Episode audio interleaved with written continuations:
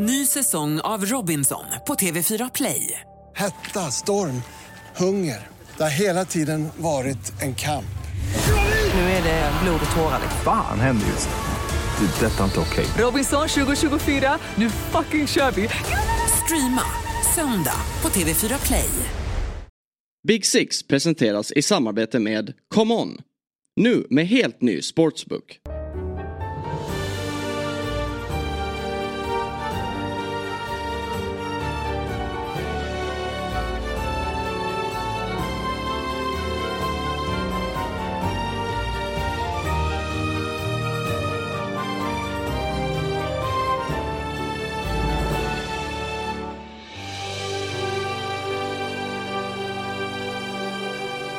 Vi hälsar er hjärtligt välkomna till avsnitt 114 av Big Six denna torsdag med mig Viktor Enberg, Karl Hultin och Sabri Suvaci. Det har varit uppehåll, nu ska det äntligen bli fotboll igen. Det har varit lite skönt ändå tycker jag. Speciellt, eller inte under den gångna helgen. Nej. För då vill man verkligen ha fotbollen. Men jag tycker verkligen det har varit skönt under veckan. Jag, har suttit, jag har sett lite landslagsfotboll. Man har såklart, eh, man såg ju såklart eh, Sverige och det hemska som hände kring det. Och jag tycker att om man vill höra mer om det så gör vi ett program som heter Fotbollsmorgon här på Dobb också. Och vi har lagt väldigt mycket tid och haft väldigt mycket röster därifrån. Både från Janne som förbundskapten och eh, folk som var där och jobbade och eh, eh, supportrar på plats med mera. Så klicka in er på Fotbollsmorgon på YouTube eller där på din podcastspelare så kan man ta del av väldigt mycket kring allt hemskt eh, som har hänt. Men eh, England har ju bland annat spelat eh, och blivit EM-klara nu. De skulle väl blivit klara ändå. Men eh, det, har vi all, det har jag i alla fall kollat på. Men det jag skulle säga med att det har varit lite lugnare i, helg, i veckan. Att man, annars har det ju varit Champions League varje dag. Det är Europa League varje dag. Nu har man bara kunnat koppla bort det lite. Mm. Men nu ska det i alla fall bli väldigt skönt. Håller du med mig? Jag håller verkligen med dig. Eh, och nu har vi fyra veckor igen när det är Premier League-fotboll på, på helgerna. Och sen är det ett landslagsuppehåll till innan vi kan gå in på riktigt i den här eh, ligabubblan som man som älskar runt eh, när det blir vankas jul och, och grejer. Eh, och för Sveriges del är det ju rätt tråkig sista samling där. Eh, så att det är ju, nu får man bara njuta de fyra kommande veckorna här och, och hoppas eh, att ens lag presterar. och Mm. Vad säger du. Sabri? Har abstinensen varit stor? Ja, verkligen. Alltså, alltså landslagsfotboll är väl sisådär. Eh, ur ett svenskt perspektiv och sen det som hände var ju jättetragiskt. tragiskt. Det, det, det tog bo- jag, jag i alla fall kunde inte liksom så fortsätta titta på de andra matcherna. Jag följde liksom eh, Grekland mot Holland eftersom jag också håller på Grekland och van Dijk spelar och sådär. Så det var ju trist men alltså att klubbfotbollen är igång igen. Det, är- alltså jag, jag, ser, Mm. jag är så supertaggad. Alltså det, ah, du förstår inte. Jag är, jag tror inte jag kommer missa en match. Nej. Och också imorgon, eller på, i övermorgon, tidig avspark, eh, derby. Mm. Det kommer vi in på längre fram men det är ju det är en kalasstart Ja, den här mm, helgen och omgången. verkligen. Verkligen. We go out with a bang. Mm. Som man säger. Men eh, jag tycker ändå vi ska landa lite i Englands match mot Italien. Det var ju ändå en repris på Wembley av eh, eh, finalen. Just det. Ju, EM 2020 som spelades 2021. Ja. Vad snurrigt det var den sommaren. Ja. Eh, där, då slutade det med att fotboll came to Rome, Mm. inte home. Inte home. Eh, men eh, 3-1, eh, alltså en väldigt underhållande match vill jag säga. Och eh, alltså England är bra. Ja. Alltså riktigt bra. Verkligen. Eh, och det känns som att de också, du vet, eh, efter, de är ju alltid, så fort de hamnar i mästerskap så ska de ju ta hem det. Det är ju deras självbild, engelsmännen. Och det är ju rätt härligt eh, i, lång, i stora delar, men ibland tröttnar man ju på dem också. Men Southgate sitter ju kvar där. Eh, och får väl lite skit för sina laguttagningar i Maguire och Calvin Phillips som eh, inte spelar så mycket till vardags i sina klubblag. Men är ju mer givna under hand i landslaget. Men liksom de, de trummar ju på och känns som de tar små steg hela tiden. Eh, de var ju sjukt bra i EM där som du sa och var i final. Eh, så att jag tror de är ruskigt revanschsugna. Och sen så har ju de också lyckats med känns det som en liksom generationsväxling eh, som liksom går lite under radarn på något sätt. Eh, och mycket tack vare Jude Bellingham som liksom han har inte ens generationsväxlat själv. Han har ju varit han har ju bara varit bra nu. Alltså super super bra i liksom tre raka säsonger så han har inte behövt vet, någon tid på sig att bli bra i varken Dortmund eller nu i Real Madrid och i England när han A-lagsdebuterade där. Liksom, Självklarhet från, från dag ett. Liksom. Mm, ja men alltså ändå att ta klivet då från, från Dortmund till Real Madrid. Det är klart att det finns, kanske fanns vissa som tvivlar på Mm. hur, hur liksom eh, han skulle akklim- akklimatisera sig direkt liksom till den spanska fotbollen, till Real Madrid och liksom, vi pratar, där pratar vi den allra största scenen, men liksom ha- fanns det någon tvivlare så har han ju tystat de munnarna bara redan efter en månad. Alltså killen leder liksom eh, eh, skytteligan i, i, i La Liga och har liksom, han äger den här scenen just nu. Och, och det är ju väldigt kul att se att Southgate ändå har hittat en bra roll för honom eh, i det här landslaget. Men alltså om man, om man ska hylla Southgate lite. Det är så här att han lyckas hitta en roll för de här spelarna som inte har det i sina klubblag. Jag menar du vet Maguire han fyller, fyller egentligen inte en, en, en, en, funk- en funktion eller roll i United på samma sätt som han gör i landslaget. Calvin Phillips och lite andra spelare. Så där ska han verkligen ha cred. Hur han liksom trycker in Trippier som vänsterback och ändå får Kyle Walker som högerback. Alltså, han ska ha cred för det. Sen kommer det alltid vara att eh, Sen kommer det alltid vara i England och, och för det engelska landslaget att man vill se sina favoritspelare. Så enkelt är det bara. Och så kommer det alltid vara. Men jag tycker ändå att han ska hyllas någonstans för att han går sin egen väg. Och eh, ja, kom igen. Alltså han är klar för EM. Han tog sig hyfsat långt. Det är inte hans fel att Kane missar en straff i, i, i VM. Alltså du vet. Och, och, och sen förlorar man på straffarna då mot Italien. Så han, han har gjort det eh, väldigt bra. Så det är en, en liten eloge till Southgate. Även fast man kan lacka att han inte tror Trent. Just det. Ja, och jag vill säga det, apropå Bellingham, alla pratar ju om honom, han är ju så otroligt bra det behöver vi inte lägga så mycket fokus på Det egentligen. behöver inte vi också säga. Men eh, alla vet. Eftersom att, jag, jag tror jag ändå talar för oss allihopa, man tittar ju inte så mycket på La Liga. Nej. Eh, och jag, jag ser oftast, jag har sett någon av Reals matcher i år. Men det blir ju oftast man går in och kollar sammandragen och ser hans mål, hur de har sett ut sådär. Mm. Men när man verkligen ser honom i en match nu, alltså så dominant han är på det här mittfältet. Till exempel bara build-upen till Rashfords mål när han får bollen petande med den här pacen och trycket och han, han är han är så lång och han når så han, han, han har ju verkligen Mm. Ja, det är allt. så han vinner sin straff med ju. Att han, Ja, exakt. fan bara kommer i sån fart och Ja. folk tror liksom att han, han har jag men då får han fram en tå och blir kapad och sen så sätter Kane straffen. Ja men såg ni, jag vet att du kommer komma in på det, men alltså Solas eh, hyllning Ja. till eh, Bellingham efter matchen. Alltså det är så otroligt eh, italienskt. Ja. Bara I was still drinking milk from my mom. Du vet, och, bara- och alla stod där och bara vad fan menar han? Ja. Man tänker så här, drack du bröstmjölk när du var 20 bast?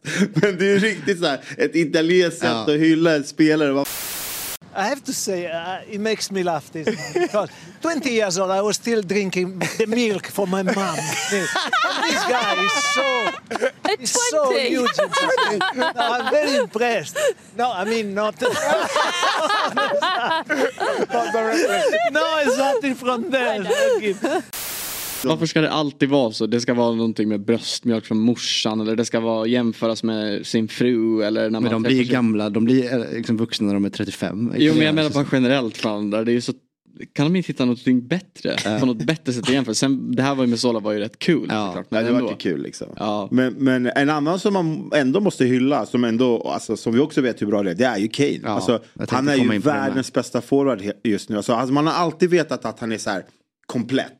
Att man vet att ah, men om inte han är nia då kan han trilla ner lite i banan och Ja, och man kan ju nästan tänka någon annan skulle också kunna stå där och peta in de Mm, bollarna. men- Som han oftast gör. Men Jo men han visar ju jävla storhet. Alltså, han, han, han kan anpassa sig till så många scenarion i en match. Så han blir så jävla mer nyttig än, alltså, nu, alltså vi kan ta Haaland som ett annat exempel. Det är ju för mig världens bästa avslutare, världens bästa målskytt. Men när, när KDB inte är där bak och levererar bollarna, då är han ju också lite mer osynlig. Nu, nu får inte någon misstolka att jag tycker Haaland på något sätt är dålig, men, men Kane är ju, alltså han är, han är så jäkla komplett. Och det ska ju faktiskt bli kul att följa honom i Champions League, alltså hur långt han kan ta sig där. Men, Mm. Ja för det kände jag med att så här, nu när man har, när man har inte fått se honom eh, den här ligastarten för han bytte liga liksom, man kollar inte lika mycket Bundesliga Bayern München förutom Champions League liksom, så var det verkligen som att just det, så här jävla bra är han när han mötte England och det är 3-1 målet han gör där.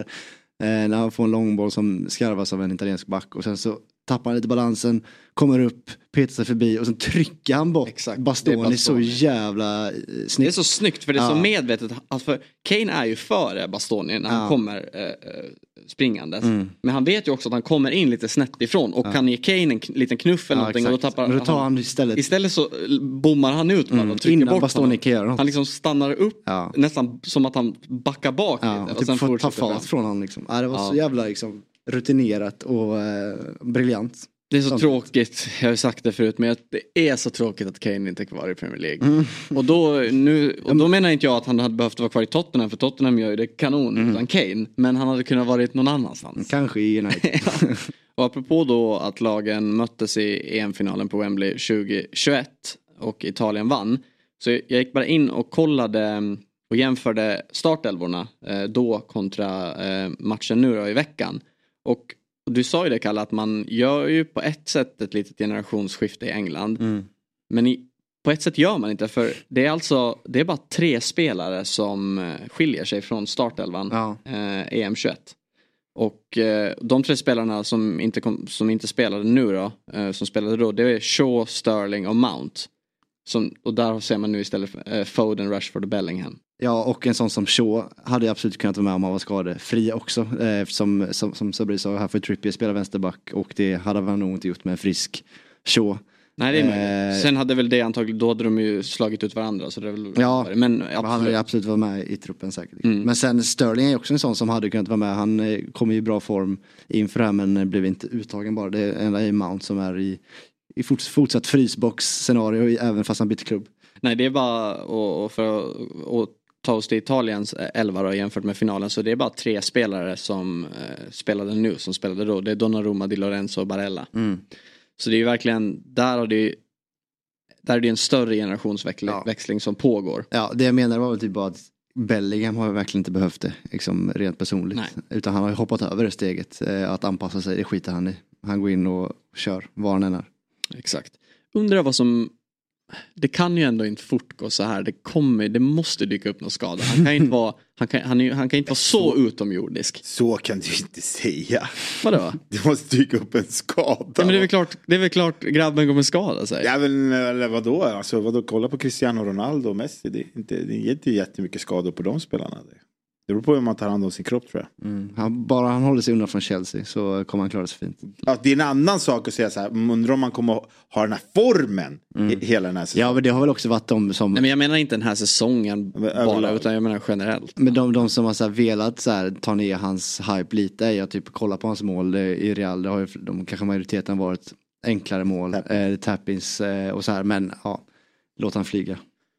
Ja, alltså, nej, jag håller inte med dem. Alltså, vadå, mål som mål, hur många tappings har inte Kane och andra spelare gjort? Alltså, men han briljerar ju ute på planen också. Att, bara att han, han kan användas på så många olika positioner. Det, är- det är det som gör honom unik. Alltså i Real Madrid nu när Vin, Vinicius Junior har varit borta, då har han ju spelat forward.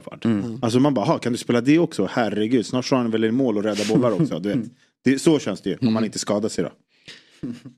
Eh, om man, någonting med lite koppling till Big Six och med Italiens lag så Udogi startade ju matchen och jag tycker han var riktigt bra faktiskt. Ja, Sen byttes han ut, han var ju varnad. Ja, Eh, Så det var väl, jag tror ändå det vägde över ganska mycket men han är, att han ändå får, eller blev uttagen nu och fått debutera för A-landslaget efter sina fina prestationer under hösten. Det är väl med all rätt. Eh, Kjells, eller du har skrivit upp här i köris, Kalle, Mudryk målskytt mot Malta. jajamän. Ja. Nej, men alltså. Stängde ner Om den vi bara ska dra, butiken. eh, bara helt- gå igenom lite vad som hänt utöver då. han, eh, eh, några Big Six-spelare. Han stängde ner den butiken på ett starkt sätt, tar bollen själv, vrider in och sätter den i bortre. Så att han är supertaggad Har du- inför, inför Arsenal hemma. Ja, du, jag förstår ju att man försöker dra efter halmstrån här när man är Chelsea-supporter. Men har du sett den intervju med Zivchenko när han, när han får frågan om vem som är snabbast med boll? Mudryk eller Mbappé? Och han svarar Mudryk. Och han svarar Mudryk. Ja, det är hans landsman med, vad ska han säga? Ja, men alltså, det var ju inte så här klockrent, men han, sa, han nämnde också andra spelare. Som Han kanske är snabbast med boll men då är bollen också 10 meter framför honom för han bara petar, springer, petar, men man, man springer. tänker ju ändå så här, fan om det finns, han är ju snabb med boll, det vet vi. Men liksom att man jämför han med Mbappé och, och, och liksom anser att han är liksom snabbare på att transportera bollen än honom. Vad luddigt också med med just det här snabbast med boll. Mm. För det är som du säger, det kan ju mätas då om du kommer helt fri längs en kant och bara petar och springer. Då är det som att du, hur, hur mäter de det egentligen? Mm. Alltså, men, äh, ja, men man kan, ju, all- man kan ju mäta enkelt vem är snabbast. Så ställ dig på en 100 meter sträcka och spring. Ja men det är han. Men ju också att kunna kon- kontrollera bollen och transportera bollen liksom. Om det är från Jo mittplan. men det är det jag menar om man har 70 meter framför sig och en försvarare bara bakom sig och bara älgar på. Då kan han ju skicka bollen 30 och bara köra. Då, Ja, jo, jo, jag då är det inte så mycket Men det, bollkontroll. det är väl lite annat som är kopplat in. Men det är bara jämförelse med Mbappé. Men att, att, det, att det i så fall är. Det finns ju i han men han kanske inte riktigt får ut det då i, i Chelsea. Men bara en parentes. Det kommer. Otroliga mål mot Malta då. Mm.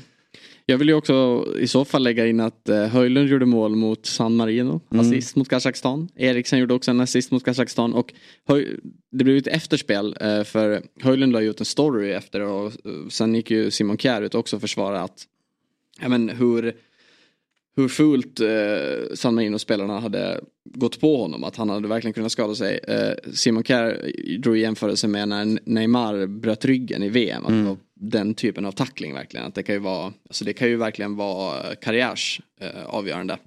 Så ja, det är ju stökigt. Men han, Känns ju som att San Marino bara kan sätta sig ner och... och, och eh, de gjorde väl sitt första mål Ja. i kvalet, för, första mål i en tävlingsmatch på två år eller någonting. Det är alltid lika kul när man säger då hur mycket de Och det höll ganska länge med och de trodde de skulle få med sig det får man ju ändå ge dem att de måste fira. Men jag, jag tycker att du, du utesluter ju en spelare som faktiskt också gjorde mål det här EM-kvalet. Van Dijk. Ja men jag tänkte komma till det. Ja, jag tänkte bra. bara nämna först att Bruno Fernandes gjorde 1 plus 1 mot Bosnien också. Hur bra är han inte i landslaget? Det känns Ja. som att han gör, eh, han och Cristiano Ronaldo, de, United-spelarna är bra på, på läger. Du sa det här innan Kalle. Ja, verkligen.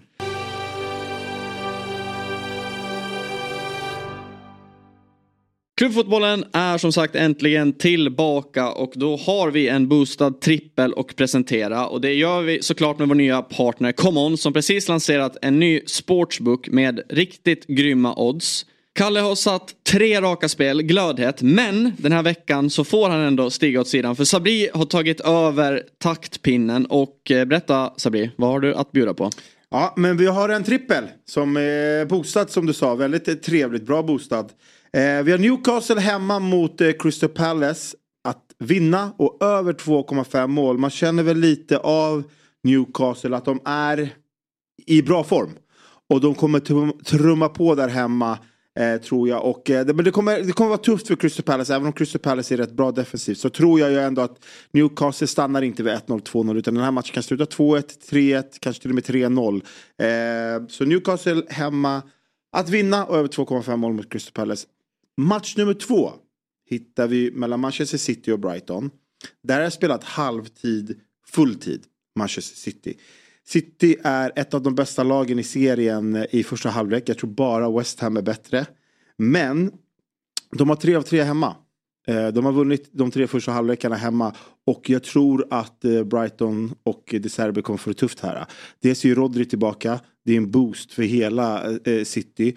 Och ska De Serbio de spela sådär lite med en hög backlinje. Alltså det, det kommer kunna straffa sig. Kommer Brighton kunna göra mål? Ja det tror jag. Men jag tror att den här matchen kommer sluta 3-4-1 eh, till City. Så eh, halvtid, fulltid där är fint. Och eh, den sista är Aston Villa. Att slå West Ham. Det är ju två eh, formstarka lag. Men tre raka har de hemma på hemmaplan Aston Villa. Där är de ruggigt starka och de gör också otroligt mycket mål. Eh, så de gör minst två. Och då ska ju också West Ham göra två för att de inte, Aston Villa inte ska vinna. Men jag tror att eh, Aston Villa tar det här. Mm, en spännande trippel och som sagt boostad till 10 gånger pengarna. Och eh, vill man rygga den här, vet du hur man gör då Sabri? Då går man in på common.com under länken experterna eller trycker in sig på vårt Twitterkonto Big Six där vi kommer länka trippen såklart. Kom ihåg att du som spelar måste vara minst 18 år och spela ansvarsfullt och har du eller någon i din omgivning problem med sitt spelande så finns stödlinjen.se till hands. Vi säger stort tack till Common som är med och möjliggör Big Six. Ny säsong av Robinson på TV4 Play. Hetta, storm, hunger. Det har hela tiden varit en kamp. Nu är det blod och tårar. Fan händer just nu. Det. Detta är inte okej. Robinson 2024, nu fucking kör vi! Streama söndag på TV4 Play. Ett poddtips från Podplay. I podden Något Kaiko garanterar östgötarna Brutti och jag, Davva, dig en stor dos skratt. Där följer jag pladask för köttätandet igen. Man är lite som en jävla vampyr. Man har fått lite blodsmak och då måste man ha mer.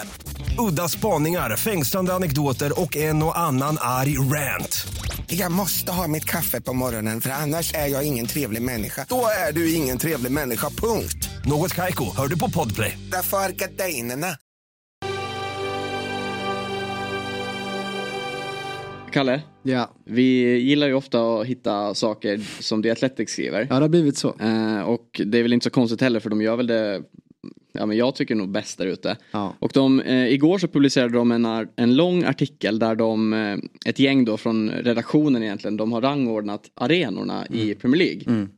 Utiför, u- utefter en massa olika kriterier då, men det var fyra kriterier.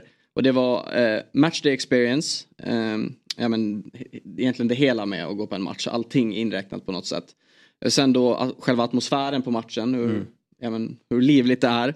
Eh, och sen logistik och plats, hur det är att ta sig dit, parkering, eh, ja, men var den ligger helt enkelt. Exakt. Om den ligger nära sta- stadskärnan eller man måste åka långt ut och sådär.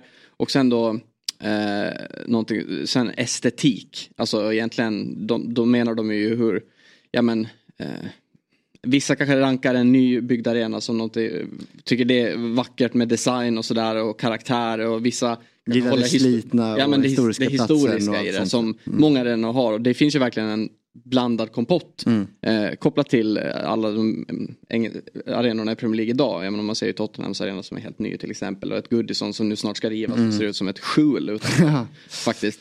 Men ehm, i alla fall då, det var, det var de fyra de eh, Gick efter. gick efter. Och då var match, match experience 40%, atmosfären 25%, logistik och plats 20% och estetik 15%.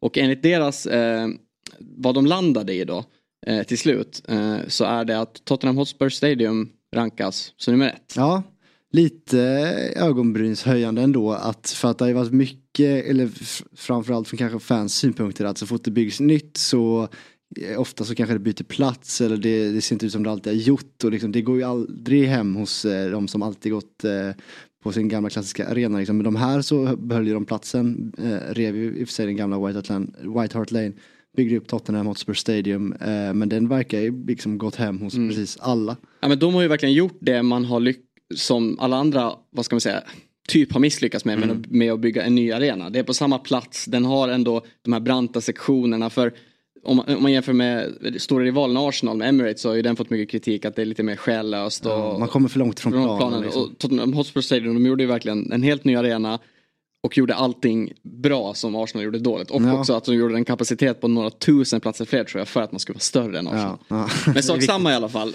Tottenham Hotspur Stadium blev etta på deras. Eh, St. James' Park 2, Old Trafford 3.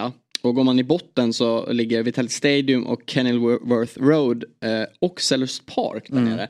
Och det tycker jag, jag, nu har inte jag varit på någon av dem, men Sellers Park snackar många om att, att ha den högsta atmosfären. Atmosfär rankades dock ganska högt, men att den ändå blev så långt ner på den listan. Och samma sak med, jag kan förstå Kenilworth Road, många har väl sett bilder från Luton och sådär, att man borta sektionen, man går upp genom eh, Ett par hus typ. Ja men precis, folk bor där och sådär. Ja. Och det har ju verkligen den engelska charmen. Men sak samma i alla fall, istället för att vi som inte har varit på alla Ja. de här arenorna ska sitta här och prata och eh, Gissa oss fram. gissa oss fram och ha, ha någon sorts bedömning. Så eh, har, vi, har vi med oss en gäst på tråden som har varit på ett gäng fler matcher än oss. Kan man säga. Ja, han har, eh, jag såg på Twitter att han skrev häromdagen att han närmar sig 5000 kommenterade matcher. Eh, Det är ju totalt då. Det är otroligt. Inte bara Premier League såklart. Men många av dem är ju i Premier League eftersom att han jobbar med på en på ett sändande bolag som haft Premier League som rättighet väldigt lång tid. Och det är Viaplays kommentator Henrik Strömblad.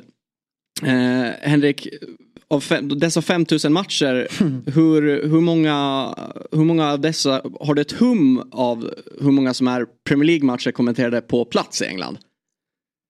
Oh, det där var ju en jättebra fråga.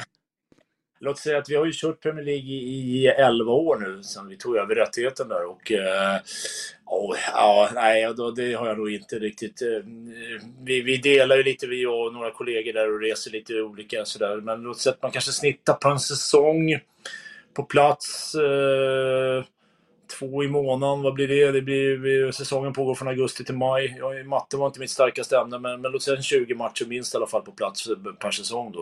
Och sen lite FA-cup och ligacup och grejer också. Så det, jag har väl varit på rätt många arenor runt omkring i, mm. det landet England. Ja, det kan man lugnt säga. Och deras, The Athletics nu, vi, ska inte fastna i deras bedömningar och sådär eftersom att de har väl också gått lite ut supportperspektiv. Och jag märkte att i många av fallen när de bedömde också så skrev de väldigt mycket om så logistiken med parkeringsplats ja. och sådär. Och om man som supporter i Sverige exempelvis åker, då tänk, det är ingenting man tänker så mycket på för man har ju sällan bil till arenorna. Men till exempel då hölls St. James' Park väldigt, väldigt högt för de har, de har tydligen, jag kollar upp att de har, jag tror de har något typ av parkeringshus, något med, med bra möjlighet för parkering i närheten så av. Så folk behöver inte dra fem minuter innan match? Ja, men, exakt, som, exakt, när folk är på nationalarenan och ja. behöver rusa för man ska iväg i trafiken. Men rätt, som kommentator då när du är där på jobb Henrik, vad, vilka kriterier är de viktigaste för för att eh, menar, en arena ska, ska för att du, du ska hålla det högt helt enkelt? Ja, du var inne på logistiken. Den är ju alltid bra för oss. Jag menar, vi, vi tar ju oss dit och därifrån med taxi då, i princip alltid. Då. Så att, eh, och det, det, är ju rätt skönt om man kan åka så nära arenan som möjligt. Eh, den stora utmaningen kommer ju ofta efter matcherna. När, eh, när man ska ta sig hem då. I Manchester och Liverpool har vi en kille där som vi har samarbetat med länge. Han, han väntar alltid på oss utanför stadion och har en sån pick-up point och det, det, är jättebra. Då ska man göra klart sina intervjuer och allting och då vet man att då står Andy där med sin taxi. Så mm. kanske han har sportdryck i burkarna till oss efteråt också där. Så det, det, är alltid trevligt. Då. Men, eh, eh, nej men annars, ja, personligen så tycker jag Visst, för mig i jobbet så vill man gärna sitta bra. Du vill ha ett bra, en bra kommentatorsplats. Det är ju viktigt och det varierar lite på olika arenor. De här riktigt gamla arenorna, de kör ju något som de kallar för gantry. Då kan det vara som en brygga som hänger under taket på läktaren. Då. Aston Villa till exempel har det på Villa Park. Och där står man liksom så högt upp så man ser nästan rakt ner på spelarna och det blir ingen bra vy riktigt. Men eh, eh Emirates sitter man utmärkt till exempel. Eh, gamla Anfield, innan de byggde nya huvudläktaren där, där satt man ju väldigt bra och väldigt nära spelet. Nu sitter man lite högre upp då. Det, det är, vissa tycker det är jättebra att sitta högre upp för då får du mer en taktisk överblick. Jag, jag tycker att det är rätt skönt att sitta ganska nära eh, ändå för då känner man liksom, ja, man känner nästan när de sparkar på bollen eh, framför en. Mm. Så det, just den biten. Sen har du den, den som ni var inne på med stämning där. Det tycker jag är, det är ju också A att, att du känner publiken, du känner liksom trycket på arenan där. Och det, det är inte alla stadion som har det i England. Eh, en del av de där gamla ruffiga, eh, Goodison Park hörde jag ni snackade om. Fantastisk stämning. De gånger Everton är bra, det är inte så ofta men, eh, nu för tiden, men, men de gånger de spelar bra där, då, då skakar hela den där gamla arenan av, av glädje från Everton-fansen. Finns det någon arena, som du säger, med kriterierna? Jag kan ju tänka mig då att en arena som Arsenal som kanske inte har den högsta stämningen men, eh, men du har bra platser, du, du har, ja, men sitter bra helt enkelt. Allt sånt för kommenteringen. Kan, du, kan, du, kan, du, kan det vara mer värt att sit, ha en liten, vad ska man säga, sämre plats för att uppleva en otroligt bra stämning? Eller ur ett yrkesperspektiv tänker man främst på just när att kommentera matchen och ha, ha för, bästa förutsättningarna för det? Jag hörde ni snackade om Sellust Park där och var lite förvånad över att den var lågt rankad där. Jag håller med, det är fantastisk stämning där. Det säger jag alltid till folk. Ska ni åka till London och gå på fotboll och uppleva liksom genuin stämning, då ska ni gå på Sellust Park för där är det tryck på publiken. Där ser man inte så jättebra när man sitter. Det är också en sån här gantry, en brygga uppe på läktaren där. Men, men man känner liksom verkligen vibbarna. Sen, sen är det, ligger den böket till i de södra delarna av London neråt. Det kan vara en, en grej som påverkar. Det, den är lite kinkig att ta sig till och sådär. Men, men Absolut, jag, jag, jag, kan sitta, bara jag känner liksom att det är bra tryck och allting. Sen vill man kanske inte se, vi, vi gjorde en eh, fa Cup-match i Jovil för många år sedan, jag och Strömberg. Det var en liten klubb nere i sydvästra England. Där. Då fick vi sitta ovanpå en av ingångarna i kurvan precis. Det var kanske inte optimalt när man kommenterar på plats då, men, men det, var, det var exotiskt, det var kul. när du så, när man kommenterar då, du, du nämnde ju vissa arenor sitter man högre upp och vissa föredrar det att man får ett större perspektiv på planen. Hur mycket kollar man på det som sker på plats kontra skärmen man har framför sig? Nej, men jag kommenterar alltid spelet som sker nere på planen. Liksom. Och sen använder man ju monitorn som vi har som stöd vid repriser och, och ibland kan det vara så att du känner inte i England så mycket, men på andra arenor i Italien och sådär, att du sitter väldigt långt ifrån. I Rom, Rom till exempel så sluttar läktarna så eh, uppåt så att du, då kan det vara lite svårt att se vad som händer på bortre långsidan. Då kan man kika i skärmen. Men, men jag tror att nästan alla kommentatorer använder sig liksom av planen och tittar på. Sen, sen har du då stöd med repriser och det. Och det, det är där experten tittar mycket. Och sen, expert, jag brukar alltid säga så att kommentera en match off tube hemma, som det heter på tv-språk, framför en skärm. Det klarar en bra kommentator och kan nästan få det att låta som att de är på plats. Däremot experten gör ett mycket bättre jobb på arenan för han eller hon ser en överblick taktiskt som de inte kan se hemma. Så, så att för expertens skull så är det mycket, ännu mycket mer värt att vara på plats på arenan. Mm. Om du hade fått göra en sån här lista, liksom, vilka arenor har då kommit till toppen och vilka hade varit, varit längst ner på, på listan? Ja, kriterierna var ju lite intressanta där. Och eh, jag, visst, jag håller ju med om att Tottenhams arena är fantastisk. Den ligger väldigt bökigt till, eh, så att den, den hamnar på minus på min eh, transportskala, ska jag säga. Men, mm men, men, eh, just att den är så ny och fin och de har lyckats med, med, med liksom att bygga in allting där. De har väl den längsta sammanhängande kortsidesektionen i, i hela England. Och de, de vill ju inte dela den i två där, utan de, de, den sitter ju ihop hela vägen upp. Då. Så att, eh, eh, den hamnar ju högt på skalan. Eh, sen hamnar Goodison Park faktiskt, nu är det sista säsongen där, de ska flytta in på sin nya fina nere i hamnen då. Everton, men det är på stämningen, den, den hamnar högt där på, på, min skala. St. James' Park som jag var inne på, fantastisk stämning. Sunderland var samma, nu är inte de i Premier League, kanske kommer tillbaka. Också otrolig stämning. Det beror på att det är så mycket locals där uppe i, i norra England. Det, det är liksom inga plastfans eller, eller folk som köper tvådelade halsdukar och sånt där. Utan det, det, där håller man på sitt lag och, och bastar liksom. Och det märker man på stämningen runt arenan och inne bland publiken. Och så att eh, det, det en annan arena som jag tycker var väldigt fin, det var Leicesters. Eh, den har de lyckats med också. Eh, den, den, liksom, de, den tar 30 000 man vet att de får 30 000. Och de, de har inte för stor och de har inte för liten. Men den, den sitter ihop och den är kompakt och bra. Så att det, det, det jag ska ta en som, som jag ska ta högst på skalan så sätter jag nog St. James' Park som ligger som en katedral uppe på en kulle i, i Newcastle dit man ser hur folk vandrar upp. De är alltid 50 000 minst oavsett om de ligger sist eller i Championship. Så att, eh, och, då, och så stolthet över laget som de har där uppe också. Så det, bara det gör ju att det, matcherna i Newcastle är, är fantastiskt kul att göra. Mm, det är väl en, en bucket list för många bara Premier League-anhängare. Liksom. Och vilken arena vill du helst inte återvända till då i England? Om man får säga så. ja. Eh, den arenan där frusit överlägset mest och, och i och för sig bra stämning, men det var ju Stokes Britannia Stadium där. Den har ju lite öppna hörn på två ställen där, så vinden drar ju rakt in där. Det är väl det där gamla uttrycket de säger att klarar man en regnig kväll i Stoke som spelare då, det, den, den kändes lite vi, lätt vindpinad och så här. Och sen var inte Stoke det roligaste laget att kolla på när de var uppe i Premier League heller. Så att den, jag, jag, jag gråter inte om Stoke inte går upp igen. Sorry till de som håller på Stoke då. det, Ja. Nej, det, jag, jag, det är ändå kul. Så här, jag har inte varit på ens kanske majoriteten av Premier League-arenorna. Men jag har ändå varit på Goodison som ändå Henrik pratar gott om. Och det är faktiskt otroligt. Mm. Och jag har även varit på Britannia en gång. Mm. Britannia Stadium en gång i Den heter väl Bet365 ja, Arena idag. idag.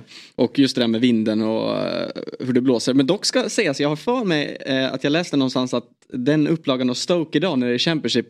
De, tydligen har de börjat spela en lite mer underhållande fotboll så kommer de upp igen kanske man får se ett annorlunda Stoke, vem vet. Hoppas det är en fin solig dag bara. Nu, nu är inte Tony Pulis där längre med sina långa inkast och flyttar linjer och såna grejer. Så det, det, det, det, det är sant att, att eh, Stoke är väl kanske, det är väl som Burnley lite. Eh, när, när jag ändå nämner Burnley, om man tittar på bilder från Burnley, nu har jag inte varit på Turf Moor, jag, jag, borde inte prata om det, men, men, om du tittar på, på bilder från huvudkameran där så ser man ju verkligen hur vackert det är bakom där. Du ser ut över hela Lancashire, på vintern är det lite snöklädda kullar bakom och, och, så, och sen ser man den här typiskt klassiska engelska radhusvyn som är över en eh, stad med de här gamla brittiska radhusen. Så det, den, den, är, den känns ju otroligt brittisk och Burnley är ju väldigt eh, engelsk-brittisk stad och klubb. Mm. Eh, jag måste också fråga, det, det, debatteras väldigt ofta på Twitter eller X eh, som man kanske ser nu för tiden. Eh, apropå med, ja men Liverpool-fansen håller alltid Anfield högt med sången och eh, att, och många vill då slå ner med, ja det kan vara väldigt höga toppar där men det är oftast ganska tyst också. Att det är lite, jag menar att folk hypar lite väl mycket. Men i, i, i The Athletics eh, ranking här på just Atmosphere så har de rankat Anfield som etta. Hur, eh, där har du ändå varit många gånger. Hur, hur upplever du den?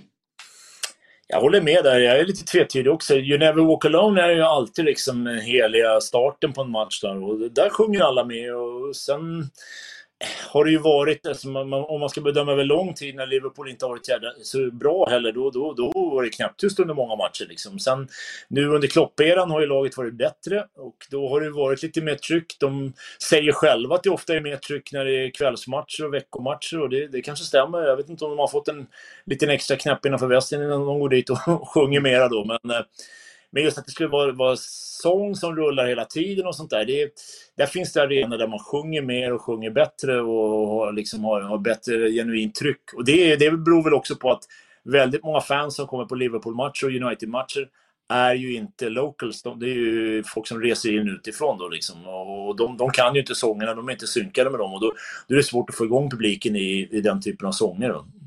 Mm. Hur, eh, eftersom att, eh, jag menar, vi, vår podd här heter ju Big Six och vi, just på torsdagarna brukar vi foka mest på eh, lagen i Big Six. Om, om, man, om, man, om man jämför dem då, Tottenham Hotspur Stadium, Old Trafford, Emirates Stadium, Anfield, um, Stamford Bridge och eh, det var väl de va? Ja, det är väl de sex. Nej, och Etihad också, ursäkta. Ja. Vad, hur, eh, eftersom att du, du nämner ju det också, eftersom de storlagen drar ju såklart, eller har ju så otroligt mycket eh, supportrar som kommer världen över och ser. Och det blir ju inte den mer brittiska stämningen som kanske det är på kortsidan på Sellers Park. Vi, eh, märker man stor skillnad på dem eller hur, hur håller du de arenorna? Ja, nej, men man ser ju generellt i England när jag snackar med folk att det är om vi tar United till exempel så har ju de ett bättre tryck på bortamatcherna för då, då är det den genuina United-klacken med supporterklubben som åker på bortamatcherna. Det märker man. Då är det United-sånger och då är det bra tryck.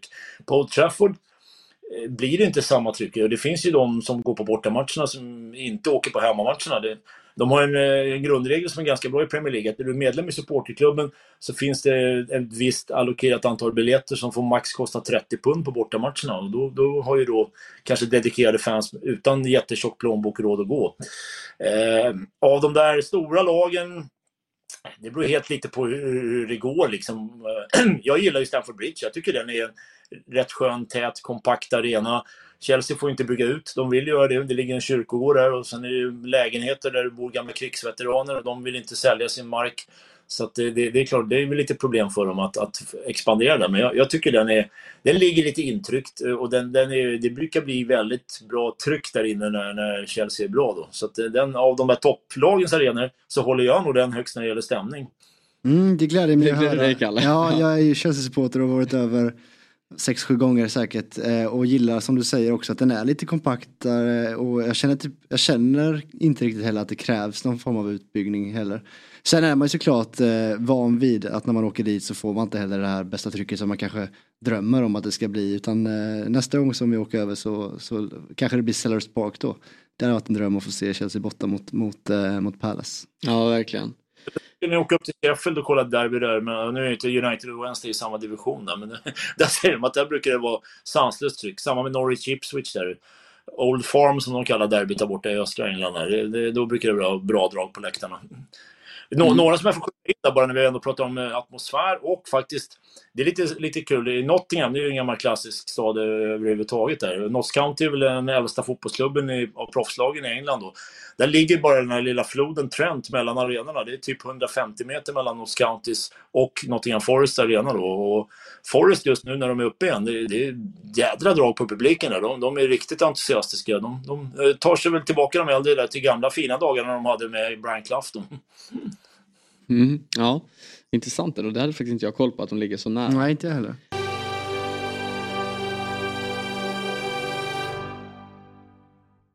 Ny säsong av Robinson på TV4 Play. Hetta, storm, hunger. Det har hela tiden varit en kamp.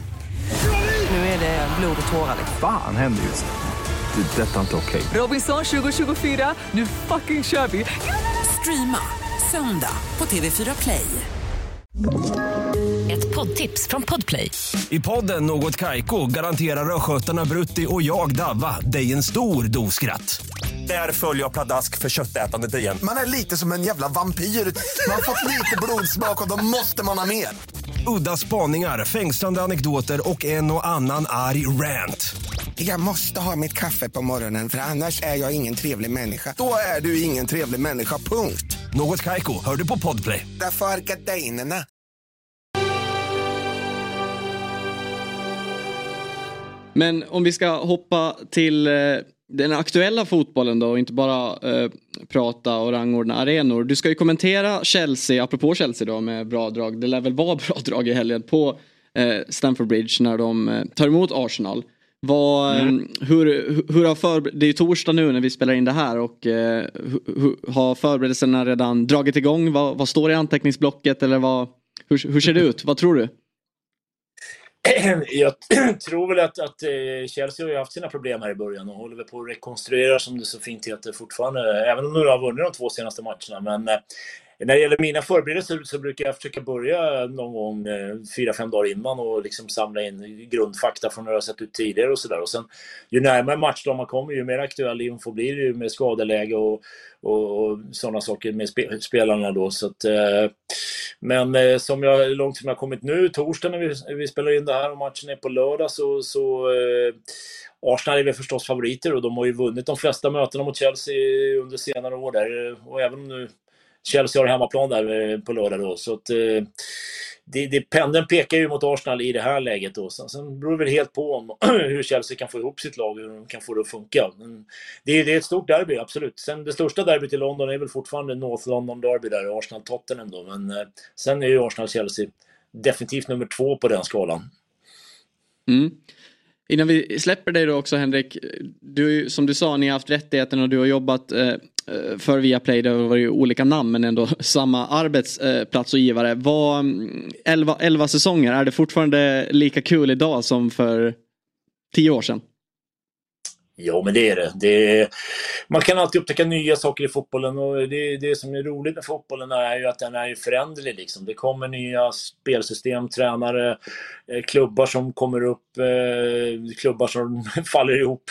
Så att det, det, det, det är liksom, ingenting är konstant. Varje match är ny. Man kan ha otur att sitta och kommentera en match som är så tråkig så att man helst skulle bara vilja stänga av och göra något annat. Men Eh, då brukar jag tänka att ja, men det kommer alltid matcher som är bättre och det finns matcher som skjuter liv på slutet där. Så att, eh, det, det, det, det, finns alltid någonting att liksom glädjas åt och se fram emot. Och den dagen jag skulle tycka att det var tråkigt att sitta och förbereda mig inför en match, då skulle jag nog fundera på om jag skulle jobba kvar med det jag gör där. Men, men får man jobba med sitt livs största intresse så är ju det en otrolig förmån. Ja, verkligen. Eh, jag, jag, har en liten fråga till er förresten när ni pratar arenor. Nu ska vi se om ni kan den. Den är inte så lätt. Men Fulham med Craven Cottage, den ligger ju väldigt vackert nu vid Themsen. Eh, och de har byggt en ny huvudläktare vid Themsen där. Men eh, långt tillbaka i tiden så, så var det en väldigt berömd brittisk skådespelare som jobbade som steward där på hemmamatcherna när han var tonåring. Eh, han växte upp precis bredvid Craven Cottage. Vem tror ni det är? Skådis. Oj. Mm. Man hade ju velat hoppas att man typ skulle skulle kunna säga typ... Ja precis, att han har koppling till klubben. Man hade velat sagt typ Elton John men där har man ju Watford. Han ja. har ju sin kortsida jag har... sektion där. Nej, det är... Oh. Men vad heter han i, uh, vad heter han i Notting Hill? Ja, precis. ja snyggt. Uh, han heter ju Hugh Grant va? Hugh Grant ja. Just det, där snyggt, har vi det. Hugh Grant. Jobbade som steward på Raven Cottage under sin ungdom där och är stor Fulham-fan och växte upp bara några stenkast från arenan. Vilken grej. Det är sån här, det är sån här kuriosa man har när man har ja. gjort snart 5000 matcher. Gjort jobbet alltså. ja. Men, eh, jag har bara en fråga till som jag tycker är lite kul. Man har ju hört ibland ja, men någon kommentator som har verkligen ja, men under en match kanske försvunnit och blivit tyst. Eller så här. Någon gång måste det väl ha hänt att du är så här shit jag måste verkligen springa och kissa eller någonting. Har du, har du behövt göra någon sån manöver någon gång? Faktiskt aldrig under match. Eh, men man har suttit ibland och fått bita sig i knogen och sådär. Men eh, där har jag en väldigt bra historia om, om eh, min mentor en gång i branschen, Bengt Grive. Ni kanske är för unga för att minnas honom. Han kommenterade alltid Wimbledon med Björn Borg på SVT och eh, var, var liksom enormt stor SVT-kommentar. Tände väl till och med en cigarr en gång under, Wim, eller under Borgs eh, tider. Precis, och favorithistorien om Bengt den handlar just om Björn Borg och Wimbledon. Den är helt sann. Det låter som en skröna, men, men eh, han mötte Connors i en semifinal i Wimbledon. Det kunde vara långa matcher där, det kunde bli 5-6 timmar och han blev lite nödig då som ni var inne på. Så att han, han gick iväg Bengt och så hittade han en bar där bredvid. Och det stod några engelsmän där, så han, han blev kvar där och stod och tog ett järn med dem. Och matchen pågick i 45 minuter. Han var borta, kommer tillbaka, sätter på sig headsetet. Första han säger till folk, 15 lika. Iskallt. Och ingen, ingen hade tänkt på att han var borta, för han brukar inte säga så mycket överhuvudtaget. Så det, det, det var ett snyggt sätt att hantera det där. Otroligt. Ja, verkligen. Ja. ja men Henrik, eh, stort tack för att du eh, tog dig tiden. Väldigt kul och intressant att, att lyssna till någon som faktiskt har lite mer, ja, men, varit runt lite mer än oss i studion får man säga. Och kör hårt med helgens kommentering. Tack så mycket och trevligt att få vara med. Hör av er om ni vill snacka engelsk fotboll i framtiden sen också, så att det är lugnt. Grymt.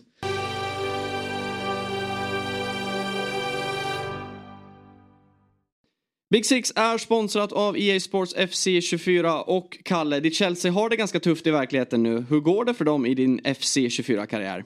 Tackar som frågar. Det går rätt fint faktiskt. Jag har lyckats värva in Vinicius Junior och lira med honom som nia, tror det eller ej. De behöver ju verkligen en nia Chelsea. Fastna nu inte i verklighetens Chelsea-Kalle. FC24 använder visserligen tre nya banbrytande tekniker för att få spelet att bli det mest realistiska fotbollsspelet någonsin. Men det är fortfarande du som har makten i spelet. Ja, Vinicius Junior ser sjukt realistisk ut. Det finns över 1200 unika löpstilar för spelarna i FC24, så det har gjorts ett gediget arbete. De har analyserat mängder av videoupptagningar från verkliga proffsspelare, så de ringde ju inte direkt oss och bad om att få filmsnuttar på när vi spelar. Nej, vi fick snacka om spelet istället, på det området där vi betrodda. En till riktigt fin sak med EA Sports FC24 är att de har rättigheter till ligorna vi pratar om här i Eurotalk och ungefär 30 ligor därtill. Det är bra. Vem hade du gett högst ranking i spelet? Oj då. Um, Alexia Putellas eller Erling Haaland skulle det nog bli då. Mm, du är överens med spelmakarna. De två delar första platsen tillsammans med Mbappé och De Bruyne. Det är respektingivande att ha sådan koll alltså. ja, de gör jobbet där borta på EA Sports. Nu är det bara att längta hem hela hösten och hoppas att din FC24-karriär smittar av sig på verkligheten. Det hoppas jag med. Vi säger stort tack till EA Sports FC24 som sponsrar Big Six. Vi ska såklart också prata upp eh, helgen. Och eh, vi nämnde ju det att det är ju tidig avspark lördag och det är ett Merseyside-derby där Liverpool på Anfield tar emot Everton lördag 13.30 och eh, utan att dra det här klassiska, det är ändå ett derby, även fast Everton inte är det Everton det är så kan det alltid hända saker i matchen. Vad Tror du på en övertygande seger, Sherry? Mm, ja, någonstans gör jag ju det. Eh, det är väl lite hur spelarna kommer tillbaks från eh, uppehållet. Då. Men så här, i mitt fall känns, känns det jäkligt skönt att det är derby direkt efter uppehållet. Visserligen är den här 13-30 matchen absolut, men, men att spelarna någonstans går in i den här war mode direkt. Alltså, jag hade tyckt att det var jobbigare om det var en lunkmatch mot Burnley. Mm. Du vet att man kanske inte riktigt mentalt, alltså, jag hade nästan velat se kanske ett Chelsea-Arsenal också komma på besök. Liksom, alltså att man, det, man bara kliver in i den här bubblan och, och, och köttar på direkt. Men eh, eh, så här, när det gäller liksom, det gäller liksom, så här, det gäller att vinna den här matchen. För att, eh, och det tror jag i slutändan att vi kommer göra, men det, det var så jävla mycket domar snack och fokus på domarna den här säsongen. Och det, det, det är nästan redan flugit iväg i min värld. Att det är, så här, det är en säsong som kommer handla om domarna. Eh, istället för att vi ser väldigt mycket andra positiva delar i Liverpool. Så jag känner så här, eh, och jag har varit en av dem som har suttit där och klagat på domarna eh, omgång efter omgång efter omgång. Eh, men fan, jag känner att det börjar bli lite för mycket nu. Eh, jag känner att det är för mycket fokus där. Visst, det har varit befogat i, i, i många matcher, eller oundvikligt i vissa fall. Men man kan, då kan man istället prata om Salas otroliga start på den här säsongen. Han har alltså gjort poäng i varje match utan en och det var mot Tottenham. Och, och eh, där vet vi alla att han, han borde haft en assist till Luis Diaz. Mm. Alltså det är en otrolig start för Salah. Och nu, nu, nu kan vi ändå prata om liksom så här, hur de andra spelarna ska börja liksom leverera på den nivån som han levererar på. För det är en otrolig start av Salah som vi inte liksom fick se. Eh, eh, förra säsongen och eh, liksom börjar de andra spelarna matcha hans form, alltså då, blir, då tror jag att Liverpool blir helt ostoppbara. Eh, I den här matchen, om jag ska svara på din ursprungliga fråga, så tror jag Ja, verkligen. att eh, Liverpool vinner. Ja, snäka runt lite. Frågan är väl hur ni ställer upp offensivt också. Eh, eftersom det Diaz och Nunez kommer från eh, deras sydamerikanska kvalmatcher. Eh, sent också. Mm. Reser längst. Eh, och Nunez verkar även fått sig en, en smäll under den matchen. Eh, och Gakpo är väl inte heller tillbaks än. Eller? Gakpo kan ju eventuellt, eventuellt vara tillbaks eh, på bänken men han ska inte vara redo för start. eh, Nej. som jag förstått det. Jota är tillbaks från avstängningen, han kan vara redo för start. Jag tror ändå att, och, eh, man vet ju att Klopp kommer kommentera det här om att eh, de får Mm. 13-30 i matchen. Och han har sydamerikanska spelare som kommer. Så, det, ja, men det, det, det vet man. Men jag tror, jag, eh, tror ändå att han startar med Nunez och eh, Salah och Diaz. Eh, Vi tror. Diaz får starten med för Ja. Inte Jota. Eller spelar han bakom? eh, nej, jag tror Gravenberch kommer spela. Ingen. Jota? Nej, jag tror inte det. Mm. Jag tror att han kommer få sitta på bänken. Okej. Eh, Och Soboslaj McAllister på mittfältet med Gravenberch då.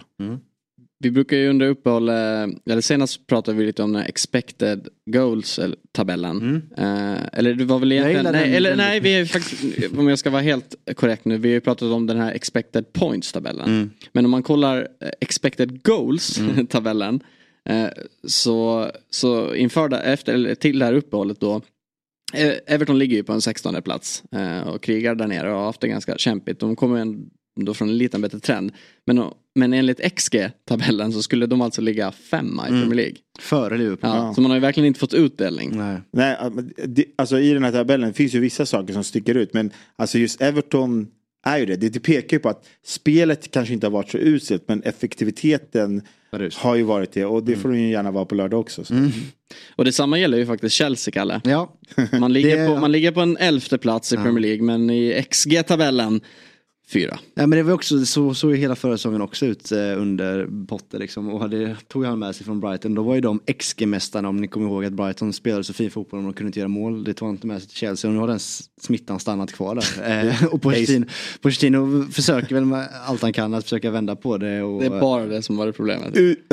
ja men tydligen, annars hade vi legat fyra ju om vi hade gjort mål. Så att, eh, Men alltså utan att ha siffror på vilka så känns det som att det stavas eh, Sterling Jackson. Alltså det känns som att de är de största målskämparna i Chelsea. Ja men så är det väl. Ja, så har det varit i alla fall. Nu gjorde ju båda mål senast mot, mot Burnley så att man kan väl hoppas att den formen fortsätter. Eh, speciellt nu mot Arsenal. Sen har ju ett tvärtom då med Spurs. Alltså det är, de har ju varit otroligt effektiva. Verkligen och skulle då ligga sjua, enligt XG-tabellen. Eh, Men, ja. ja, men, men Chelsea då som eh, tar sig an Arsenal i helgen på hemmaplan. Eh, ett Arsenal som då ligger tvåa i Premier League men trea i. Exakt, Så de, har ju verkligen, över. de ligger ändå på en ganska jämn nivå. Vad, hur känns det då? Ja, det är läskigt. Eh, speciellt om man kollar liksom i den nära eh, his- historiken så har ju de vunnit de tre, eh, fyra, tre av de fyra senaste på Stamford Bridge eh, liksom, i, i alla möten och har verkligen, det är för jävligt för hur den ser ut i ligan så vill man ju alltid vinna hemmamatcherna mot London-rivalerna. Liksom, eh, och det har vi inte ens lyckats göra med heller på senaste tiden. Så att det enda jag bryr mig om är att vi står upp eh, på ett värdigt sätt mot dem när vi möter liksom, ett av seriens absolut bästa lag här. Samtidigt så har jag någon märklig positiv känsla i kroppen bara för att vi kommer från tre bra matcher. Ja men exakt. Eh, och det är livsfarligt att möta dem nu för Ja. vi kan åka på, antingen åker vi på sån jäkla smäll här och är tillbaks på noll.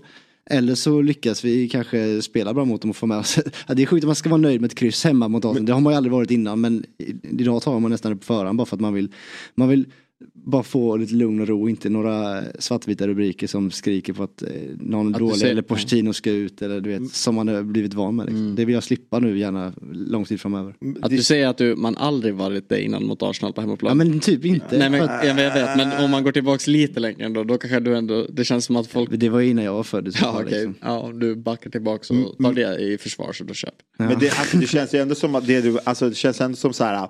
Just i den här matchen för Chelseas del. Så har det ändå känts på senaste tiden att det här, spelar ingen roll vad de kommer med för form.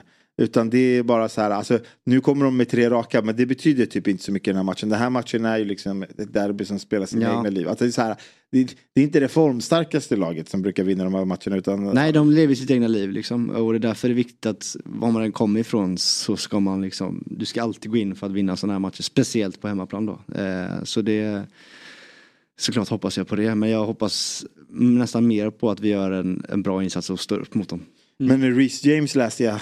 Ja, det är frågan. Det rapporteras i dagarna så här att han äh, åkte på en smäll eh, för typ tio dagar sedan och har inte syns eh, eller har tränat själv sedan dess. Sen igår kom det ut bilder på att, att han tränade med laget men han är ju helt omöjlig att ha att göra med och han, man börjar bli rätt trött på honom som eh, Chelsea-supporter för att jag såg en tweet här som som skrev att senast han, sen, sen hans debut 2019 så har han haft 17 olika skador. Missat 482 dagar eh, och 90 matcher eh, under den tiden. Vilket är helt galet när du är så ung liksom, och borde ha liksom, en rätt frisk kropp. Men tror du alltså att det är ingen slump längre ju. Nej, nej det, det kan jag köpa att det kanske inte är. Men tror du att, no, att någonting kan ligga i att Chelsea har bytt tränare så jäkla många gånger och byter fysioteam som kommer in och säger nej du har behandlats fel, du ska behandlas här. Nej du har behandlats si, du ska behandlas här. Ja, det är det. När man, alltså, när man byter tränare så ofta, det, det är sällan det rapporteras om vilka fysier som stannar kvar eller lämnas. Det är inte så här, här är hans journal. du. Nej. Nej men man brukar alltid få reda på assisterande coacher och så här, de andra runt om som är närmst en tränare. Liksom. Men jag tror ändå fysio bru- brukar stanna kvar, i alla fall majoriteten. Eh, sen kanske det är någon så här head of fysio som, som kommer in som tränaren har som sin gubbe liksom. Eh, men eh, någonting är ju fel för att det är inte bara Rhys James som är, som är skadebenägen i Chelsea. Det är ju spelare som Cole Palmer. Ja, han åkte ju på en smäll i, under landslaget som u men han, ska, han tränade också igår så att han verkar lugn. Men Ben Chilwell är också en sån som är in och ut och vi har ju haft eh, Wesley Fofana, Badia Chile, många spelare som, och Lavia kom ju skadad, sen skadade han sig igen. Liksom. Så att det är något fel med hur vi tränar eller hur vi återhämtar oss eller någonting känns det för så här ska det inte se ut. Eh, liksom. Någon gång måste alla vara friska liksom. Men det är nog också tror jag, eller man, till exempel i Uniteds fall om man kollar på som man använde Lisandro Martinez eh, väldigt mycket i våras och, och sen så skadade han sig, kom tillbaks nu och fortsatte spela när det rapporterades att han faktiskt var skadad och fick painkillers och så Mm. bygger det upp någonting och så blir nästa skada Ja, exakt. förhållande. Ingenting har riktigt läkt Nej. så mycket och som man skyndar tillbaks. Mm. Och det känns som att det pågår nog hela tiden. Det var samma sak jag läste nu om eh, Malaysia Mm. eh, i Man United. Han, han har ju inte spelat alls den här säsongen. Det var samma sak där, att han spelade i slutet av säsongen med en skada. Som man tänkte att skulle vara lugnt och han fick ja, men också painkillers och sprutor och vad man nu skickar i dem. Och Mm. då hade det dragit ut processen mycket längre nu. Så han ryktas vara tillbaka typ till nyår. Och man har ju sett i så många av eh, jag menar, alla de här dokumentärserierna som har gjorts. Alltså, jag menar, alla All or Nothing eller Stanley till att die eh, och så vidare. Att Ja men tränaren, tränaren skiter ju i det. Han, tränaren vill ju ha de bästa spelarna på planen. Och går in i inför varje rummet helg. och, och ja, men det är klart om Är han redo att fråga ja, dem? Ja, men Mm. det finns ju något exempel, jag vill jag minnas, när man följde Tottenham med Mm. All or Nothing med Mourinho. När han kom in i fysiorummet och säger, kan han spela? Och de säger, ja, han spelar. Ungefär så. exakt. Och jag menar, vad, vad gör man själv som fysio där? När tränaren kommer Ja, med vågar- störst pondus i klubben Exakt. och pressar på att Det- han, jag måste ha honom i startelva på lördag. Ja. Och då, då blir det fastare beslut och för tidiga beslut och då kommer de tillbaka tidigt och då som du säger skadar de sig igen då så blir läkeprocessen kanske dubbelt så lång. Ja, exakt. Men det, det där har ju bara att göra med att det, de, är- alltså, trä, alltså, det är en prestationsbaserad bransch. Så jag tror det handlar väldigt mycket om att en tränare vill bara få prestationer, de vill få- få poäng, det är bättre för dem. Mm. Men att eh, det, det handlar om hur, eh, hur beroende de är just av den spelaren. Vissa spelare kan ju få längre tid på sig. Sen också så Ja. här, en spelare som var skadad, Reece James, hur mycket vill han inte spela då Kalle? Exakt. Förstår du när, Han om, han är kapten 70, också. om han är 75% tillbaka, hur känns det? Ska du spela? Alltså han kommer ju säga ja. Och sen ung och naiv liksom och bara känna att man ska spela. Samtidigt så har vi inte haft förrän typ i år då en, en, en, en riktig högerback som hade kunnat som kan spela bakom honom. Nej. Då har han blivit ännu mer pressad av det säkert. Eh, det United har funnits en Aspilicueta där som liksom varit gedigen men som bara tappat fart och mer sett som en mittback på slutet. Liksom. Så det har inte funnits någon given ersättare bakom honom vilket förmodligen också det, det, gjort att det blivit påverkar för, ju, förhastade såklart. slutsatser eller så här beslut som gjort att han tvingas in i elvan. Liksom. Mm. Ja, det är i alla fall helgens eh, stora matcher. Liverpool-Everton och Chelsea-Arsenal. I övrigt då, Big Six-lagen. Man City möter ju som sagt Brighton också på lördag klockan 16.00 spelas den. Det är ju ändå väldigt intressant såklart med Ja. Pep vs. De Serbi. Och så vidare. Och så vidare. och så Ja vidare. exakt. Trä- Eh, Tränarmatchen. Ja, lite så. Det ska bli intressant. Någon av dem kommer försöka hitta på någonting dumt. Och så Exakt. ja, tänker ett steg eller 15 steg för långt. Ja.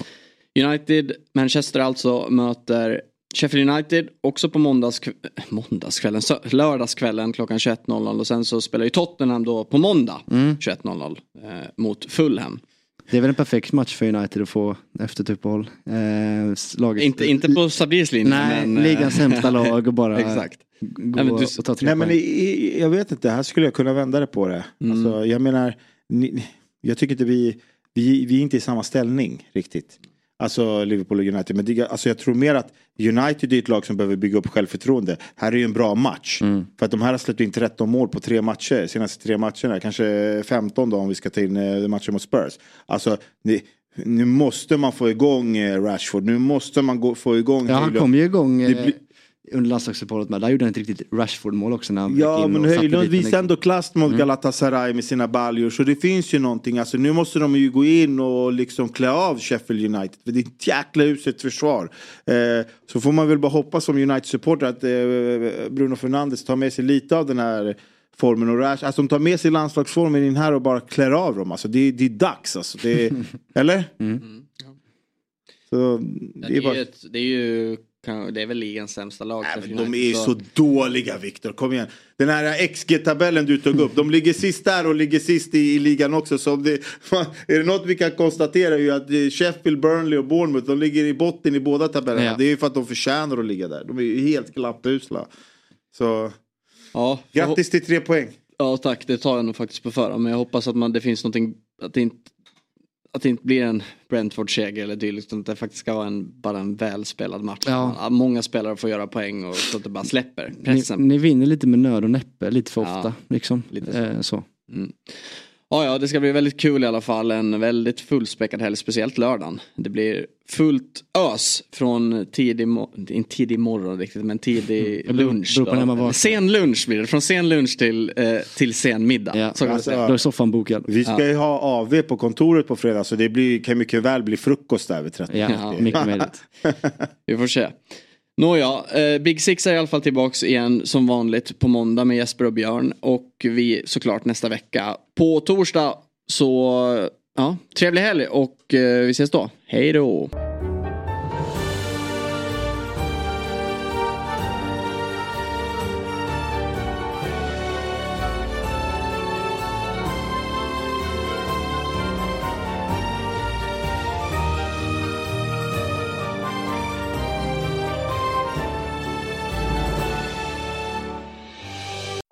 Säsong av Robinson på TV4 Play. Hetta, storm, hunger. Det har hela tiden varit en kamp. Nu är det blod och tårar. liksom. Fan händer just nu. Det. är Detta är inte okej. Robinson 2024, nu fucking kör vi! Streama söndag på TV4 Play.